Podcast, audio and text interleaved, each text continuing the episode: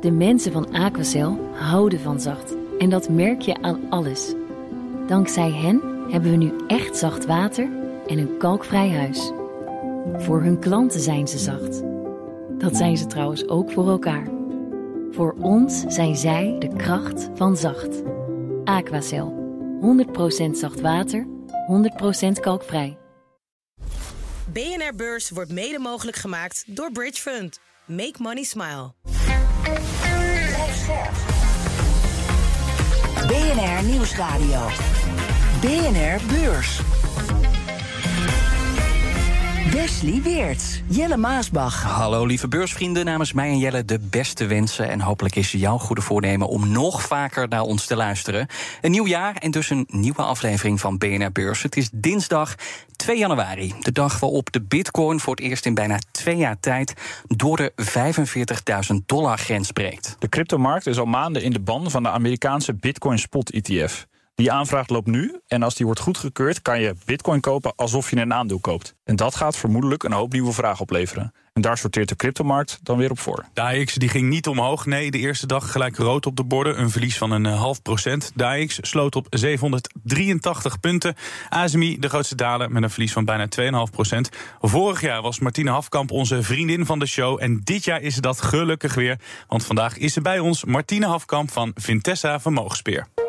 Zometeen gaat het over de kopzorgen van Tesla. Want ze zijn niet langer de grootste elektrische autobouwer ter wereld. Nee, die titel die gaat naar een Chinese concurrent. Nou, dat zo. Maar eerst ander opvallend nieuws. En Jelle, ja, we kunnen er natuurlijk niet omheen. ASML. Nee, zeker niet. ASML begint het jaar waar het uh, geëindigd was, namelijk vol in de chipoorlog. Bloomberg has learned that ASML cancelled shipments of some of its top-of-the-line chip-making machines to China at the request of the US. And that happened before export bans came into effect. ASML mag opnieuw een uh, aantal chipmachines niet leveren aan een aantal Chinese klanten. Het gaat om zogeheten TUV-machines. Reden, de Nederlandse regering heeft een exportvergunning deels ingetrokken. En het gebeurde onder druk van de Amerikanen. Volgens ASML heeft het gesprekken gevoerd met de Amerikaanse overheid. En daardoor meer duidelijkheid gekregen over, en dan citeer ik ze even, de rijkwijde en de effecten van de Amerikaanse regels ten aanzien van exportcontroles. En zegt de ASML, de financiële gevolgen zijn gering. En het gaat om een klein aantal klanten dat nu die machines niet krijgt.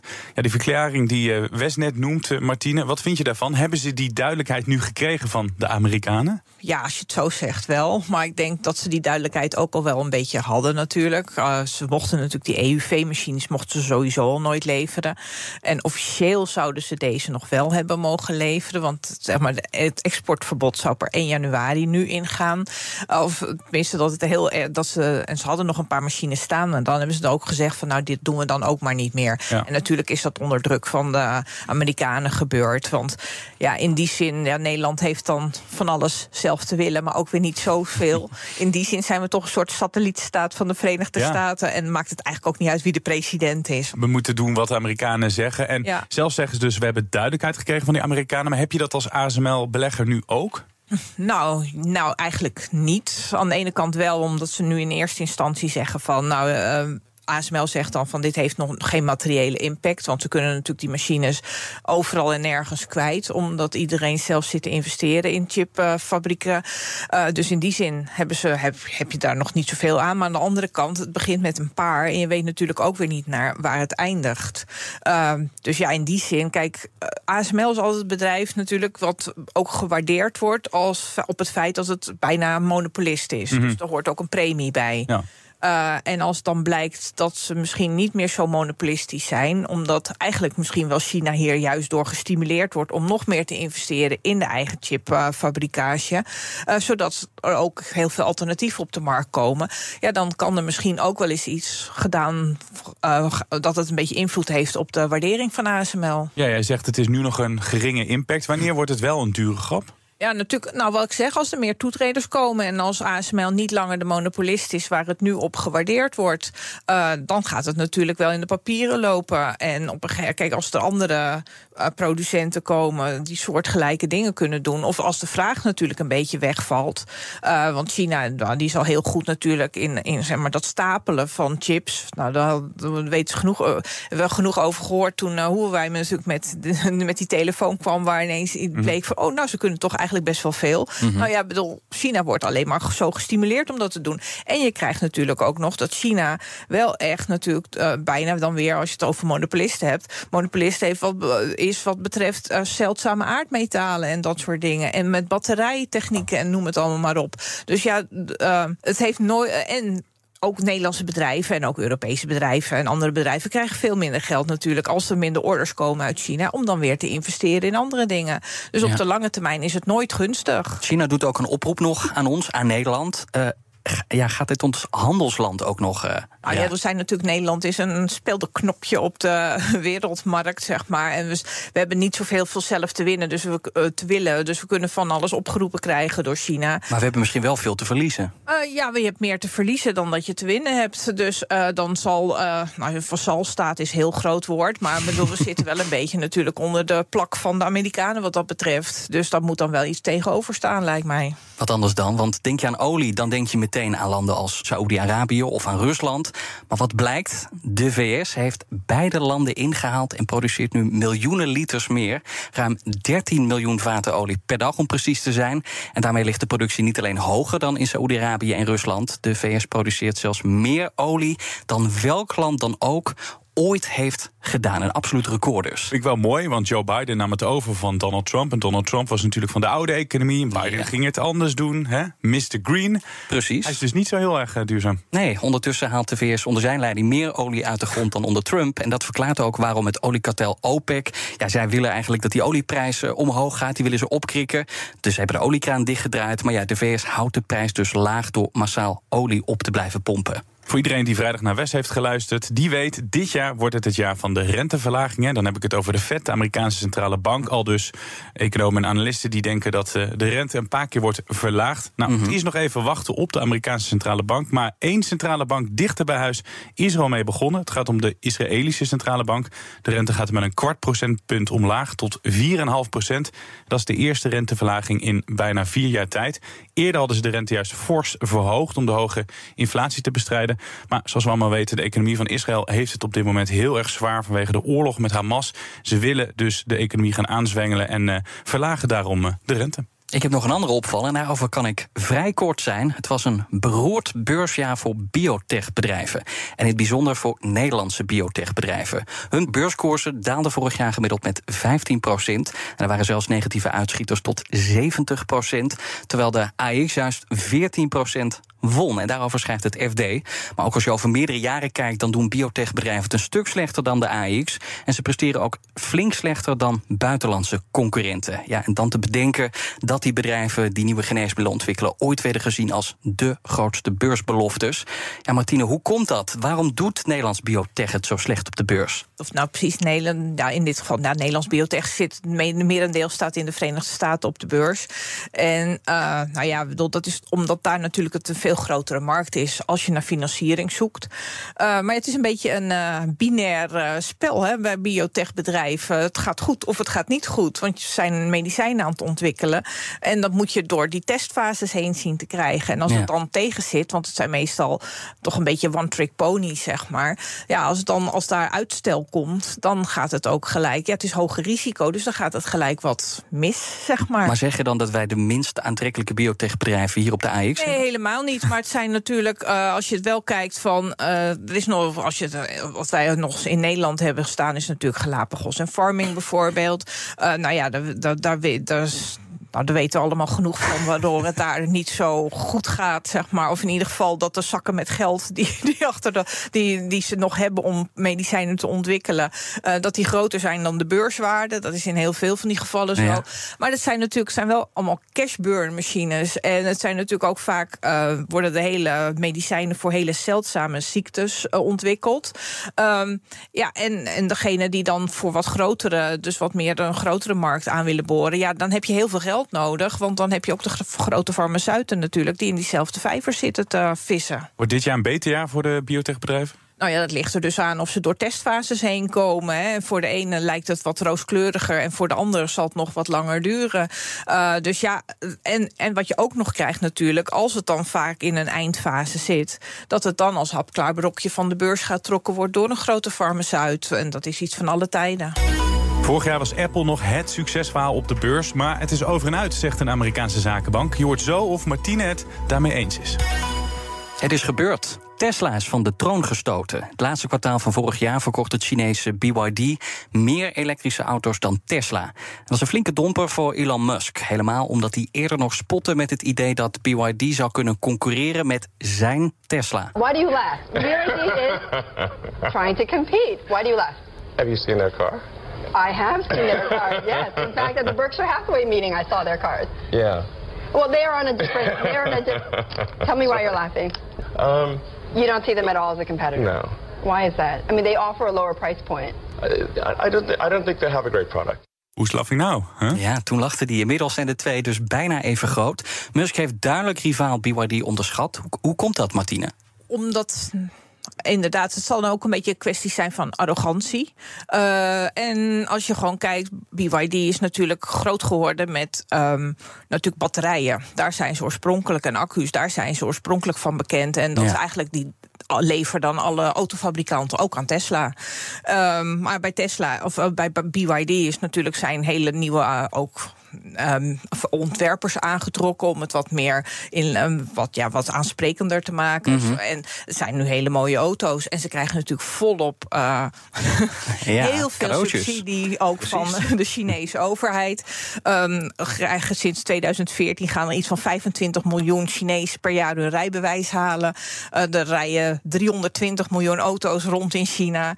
Dus, en als je dan dus uh, een beetje eigen volk eerst, wat Amerika ook doet, maar wat China natuurlijk ook doet met de Chinese autofabrikanten, dan uh, heb je een hele grote markt waar je Ja. in kan vissen als BYD zijnde. Ik moet het ook wel heel even van Musk een beetje overnemen. Die video's van een paar jaar geleden. En ik zag ook beelden van die BYD's van dat moment. Jij zei al, ze hebben nieuwe ontwerpers aangetrokken. Dat heeft wel effect gehad. Want die auto's die zagen er Ja. ook zeker niet uit toen. Westerse ontwerpers ook. Ja. Dat denk ik wel. Ze zien er Ja. heel erg uit als nu eh, ze zijn de andere westerse ontwerpers, Ja. eh, ze, ze heeft die aangetrokken. Nou, dat heeft echt wel zijn doel gediend. Nou, feit is dus dat Tesla er stevige concurrentie bij heeft gekregen. Hoe nadelig is dat voor Tesla? Nou ja, dat is natuurlijk wel, wel nadelig. Daarom hebben ze ook vooral ook natuurlijk al de prijzen verlaagd. Um, de vraag is of je dat moet willen blijven doen. Want uh, volgens mij gaat het uiteindelijk om winstgevendheid van je product en niet alleen om kwantiteit. Uh, nou zijn de marges bij Chinese autofabrikanten die zijn ook wat omlaag aan het gaan. Maar ja, dan is weer die Chinese overheid met die diepe zakken. Uh, maar ja, het is natuurlijk nooit goed. Of tenminste, het is ook niet erg, want het is een hele grote markt. Maar ja, ze, hij moet wel keuzes maken. Misschien moet hij zich wat meer op het hogere segment richten. Uh, bedoel, en kan je niet concurreren tegen die lagere modellen. Want het grote probleem is natuurlijk, en dat zegt, daarom zit hij zelf ook zo groot in te zetten op die batterijfabrieken. Uh, de kosten moeten omlaag. Nou, en dat is bij, uh, bij iedere fabrikant. Dus ook bij Tesla. Maar je had het net over die prijzen. Elon Musk is zelf een prijzenoorlog gestart. Ja. Heeft hij daar überhaupt wat aan gehad?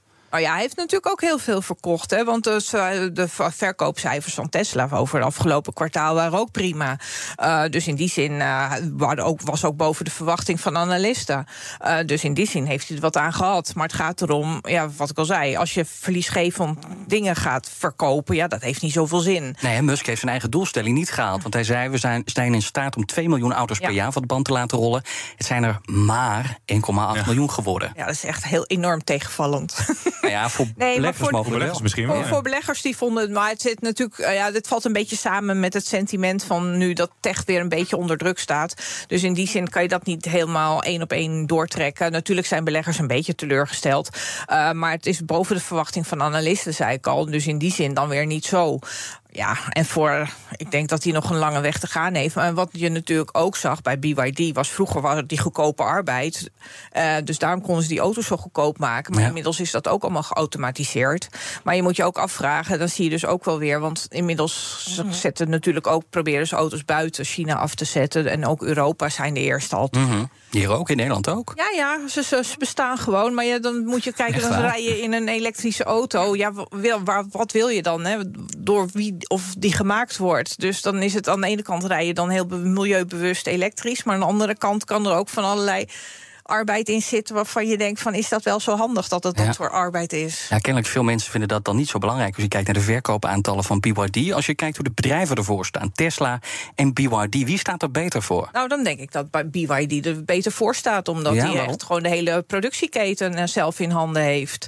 Eh, dus veel minder kwetsbaar is in die zin. En eh, die hebben het helemaal opgeleid. En die hebben dus in die zin denk ik dat ze daar dat zij er meer het voordeel ervan hebben. En ze hebben natuurlijk die hele grote thuismarkt. En dus al die mensen die eerder een Chinees autootje kopen dan een Tesla. Je kan tussen de modellen kiezen, je kan ook tussen de aandelen kiezen. Kies je voor het aandeel Tesla of het aandeel BYD. En wij horen heel niet. veel analisten op die plek zeggen... ga niet de Chinese aandelen. Ja, daar ben ik er ook een van. Ja, dus, jij ik- gaat sowieso geen aandeel ik- BYD nee, kopen, maar ik koop ook geen aandeel Tesla. Dus ik koop ze alle twee niet. Dat mag ook, hè? Ja, mag ook dus de keuze snel. eh. Maar, maar moet je geen uitzondering maken voor dit soort successen uit China? Want ja, succes kunnen we BYD wel noemen. Eh, Warren Buffett zit er zelfs in, hè? Dus eh, er zijn meer bedoel maar, mensen niet de dat- minste. Ja, nee, maar dan denk je ook van... misschien wordt er ook wel aardig op de muziek voor uitgelopen. En ja, bedoel, het blijft natuurlijk wel als de Chinese overheid ophoudt met het subsidiëren, dan houdt het het verhaal ook weer op. Dat zie je eigenlijk in Europa natuurlijk ook. Dat er weinig, relatief weinig elektrische auto's verkocht worden op het moment dat de subsidies wegvallen. Ja. Dan heb je nog een paar leaseauto's die er nog wel uitgaan, maar verder eh, houdt het feest allemaal op. Zo- Dus zo consequent zijn mensen dan weer niet. Nee, en we doen een beetje alsof Tesla nu de grote verliezer is. Maar je kunt ook zeggen, Tesla en BYD zijn beide winnaars. En de verliezers, dat zijn meer de traditionele autobouwers. Wie, wie mag zich de grootste loser noemen? Nou, ik zou niet over losers willen hebben. Want dan denk ik dus weer meer van... je moet ook kijken hoe auto's gemaakt worden. En ik, moet me, ik vraag me nog af hoe het verder gaat... met het hele elektrische autoverhaal. Mhm, maar welk aandeel vind je dan nu het minst interessant? Laat ik hem zo nou, stellen. ik koop helemaal niks in die autosector. Ja, dat kan ik heb wel duidelijk waar ze... Ja, duidelijk. ik heb een hele poos eh, in. eh, ik heb wel een hele poos eh, in, in Volkswagen belegd. Omdat je altijd het verhaal krijgt met het hoge dividendrendement. En het is zo laag gewaardeerd. En ze zijn bezig met die transitie. Maar er moet natuurlijk zoveel miljard, eh, tientallen miljarden moeten daarin geïnvesteerd worden. Maar dat is ook om daarop terug te komen. Op het moment dus dat autobouwers in Europa gaan omvallen, bijvoorbeeld, omdat ze niet die, zo snel die transitie kunnen maken. Ja, dan moet je afvragen of het nog wel zo gestimuleerd gaat worden vanuit Europa, ook dat elektrische autoverhaal. En je ziet Toyota ook gewoon met verbrandingsmotoren gewoon hele grote aantallen auto's verkopen. Zeker. Hebben wij in Europa nog een autobouwer die de concurrentie met Amerika en China aan kan? Nou, op dit moment niet echt. Ze zijn er allemaal mee bezig. Maar dan krijg je natuurlijk het verhaal dat ehm, het allemaal een transitie is. Waar de eerste auto's in, zeg maar, echt grootschalig in 2025 worden verwacht. En in de tussentijd heb je dus een vacuüm. En daar kan BYD schade bij spinnen. En dan zal Tesla daar ook nog wel een, eh, een, deuntje mee spelen hoor. BNR Beurs. We gaan naar Wall Street. Dow Jones staat twee tiende van een procent in de plus. De S&P 500 verliest een half procent. De Nasdaq zelfs anderhalf procent. En zoals gezegd, de verkoop- en productieaantallen van Tesla wat hoger dan verwacht. Ook de beurskoers gaat eh, inmiddels omhoog. Twee tiende van een procent. Apple's beleggers reageren op die downgrade van Barclays. Jij het net over had. 3 procent maar liefst naar beneden. Ik ga het zo over hebben. Ja? Ja. Ja, mooi. Eh, Chevron doet een eh, flinke afschrijving. Boekt. Ik dacht dat je het al over had. Nee, joh. Nee, we Gaat hebben het zo snel deze aflevering, joh. Ga ik snel naar Chevron. Niemand heeft het gehoord. Ze doen een flinke afschrijving. Het boekt 4 miljard dollar af op een deel van zijn activiteit in de olie- en gaswinning. Met name in Californië kampt Chevron met tegenvallers. Dat heeft te maken, zeggen ze, met uitdagingen op het gebied van regelgeving. Wat dat inhoudt, weet ik niet. Wat ik wel weet, is de beurskoers. Chevron staat op dit moment 1,2% hoger. Ja, en daar hebben we hem dan. Apple. Want dat begint dit jaar met een flinke kater. Het Iets met een downgrade, of Iets niet? met een downgrade, iets met Barclays. Ja, het waardevolste bedrijf ter wereld was vorig jaar een van de beurslievelingen op Wall Street. De koers van Apple steeg met 50% tot recordniveau. Maar analisten van zakenbank Barclays zeggen nu: het is genoeg geweest. Ze adviseren daarom om het aandeel de deur uit te doen. En Barclays verlaagt het koersdoel naar 160 dollar. Wat neerkomt op een daling van bijna 20% als je het vergelijkt met de slotkoers van afgelopen vrijdag. En de reden, ja, de verkopen vallen tegen, waaronder de van de iPhones. En een ander groot risico is de kartelzaak van de Amerikaanse overheid tegen Google. Tegen Google in dit geval, want Google die betaalde Apple om de standaard zoekmachine te zijn. Naar schatting zo'n 20 miljard dollar was daarmee gemoeid. En dus staat door die zaak 20 miljard dollar pure winst op het spel. Uh, ja, Martine, hoe negatief ben jij nu over het aandeel uh, Apple? Ben jij net zo negatief als Barclays? Ik ben niet zo negatief. Ik uh, ben er indirect in belegd via Berkshire Hathaway. Maar um, ja, ik denk dat het wel meevalt als ik zie wat ze verder. Uh, ik maak me niet zo. Ze hebben natuurlijk dat hele ecosysteem wat ze steeds verder aan het uitrollen zijn. Dat Apple Pay wordt steeds belangrijker. Daardoor hebben ze ook steeds meer informatie over uh, ja, hun gebruikers, hun klanten. Uh, dan gaan ze tikken van. Er gaat, ik gaat zoveel gaat er online, wordt er steeds verkocht en dus betaald. Dus ik zie daar hele nieuwe verdienmodellen voor Apple juist ontstaan. Niks met auto's, wel met Apple. Meer met Apple dan met auto's. BNR Beurs. Elk jaar weer die goede voornemens. Afvallen, meer bewegen, stoppen met iets ongezonds of beginnen aan een andere baan. Nou, het spijt Wes en mij zeer, maar ons boeit het niet. Wat wel boeit zijn de beleggingsplannen voor dit jaar. Wat zijn de goede voornemens op de beurs? Daar staan we de hele week bij stil met onze gasten. Ja, dus Martine, wat ga jij helemaal anders doen dit jaar op de beurs? Zoveel. En bedankt. Nee, nee um, gewoon beleggen is gewoon, wat wij doen, vermogensbeheer, is gewoon breed gespreid beleggen. Nou, ik zie geen enkele reden om daarvan af te stappen. Je moet nooit al je eieren in één mandje leggen, ook niet in twee. Dus die brede spreiding in de portefeuilles, die blijft er gewoon in zitten. En soms verzet je een beetje de bakens, maar vooralsnog heb ik geen reden om uh, daaraan uh, te tornen. Iedereen heeft altijd wel slechte gewoontes in het leven. Je hebt geen slechte gewoontes op de beurs? Ik vind het natuurlijk zelf niet. nee, maar um, wat je altijd hebt als uh, je moet nooit verliefd worden op een aandeel, dat ben ik ook nooit. Maar kijk, als je enthousiast bent over een bedrijf, dan heb je altijd wel wat meer oog voor de positieve punten dan voor de negatieve, zeg ja. maar, of voor de mogelijke risico's. Uh, maar ja, dat is ook weer zo goed. Daarom zitten we ook met een team. Uh, dus dat als jij al heel enthousiast bent en alleen nog maar, ook als hoor je wel eens negatieve berichtjes, maar je, dat je die een beetje bagatelliseert ja. en dat je denkt van nou, hupsakee, dat je dan andere collega's, dat je collega's hebt die dan zeggen van maar, het kan ook zo. En ben je het overtuigd? Want je had het net over Warren Buffett, die wilde heel lang niet in Apple. Toen hebben ze hem echt moeten overtuigen. Hè? Dat is een goed aandeel. Bijvoorbeeld als iemand nou zegt bij Vitesse Vermogensbeheer, auto's. BYD, Martine. Oh, ja. Nou, we hebben er regelmatig ook over uh, discussies over uh, sectoren, dus ook over automobielbedrijven. Dus ja, tuurlijk, als er goede argumenten voor zijn en het een goede aanvulling kan zijn op een portefeuille, dan ben ik uh, uh, tot op zekere zin te overtuigen. Niet helemaal. Nee, maar daarom neem je ook beleg, uh, beleggingsbeslissingen met elkaar. Dus mm -hmm. het is meer meerderheid van stemmen. En, uh, natuurlijk, en, al, en natuurlijk moet je iedereen er wel min of meer van overtuigd zijn.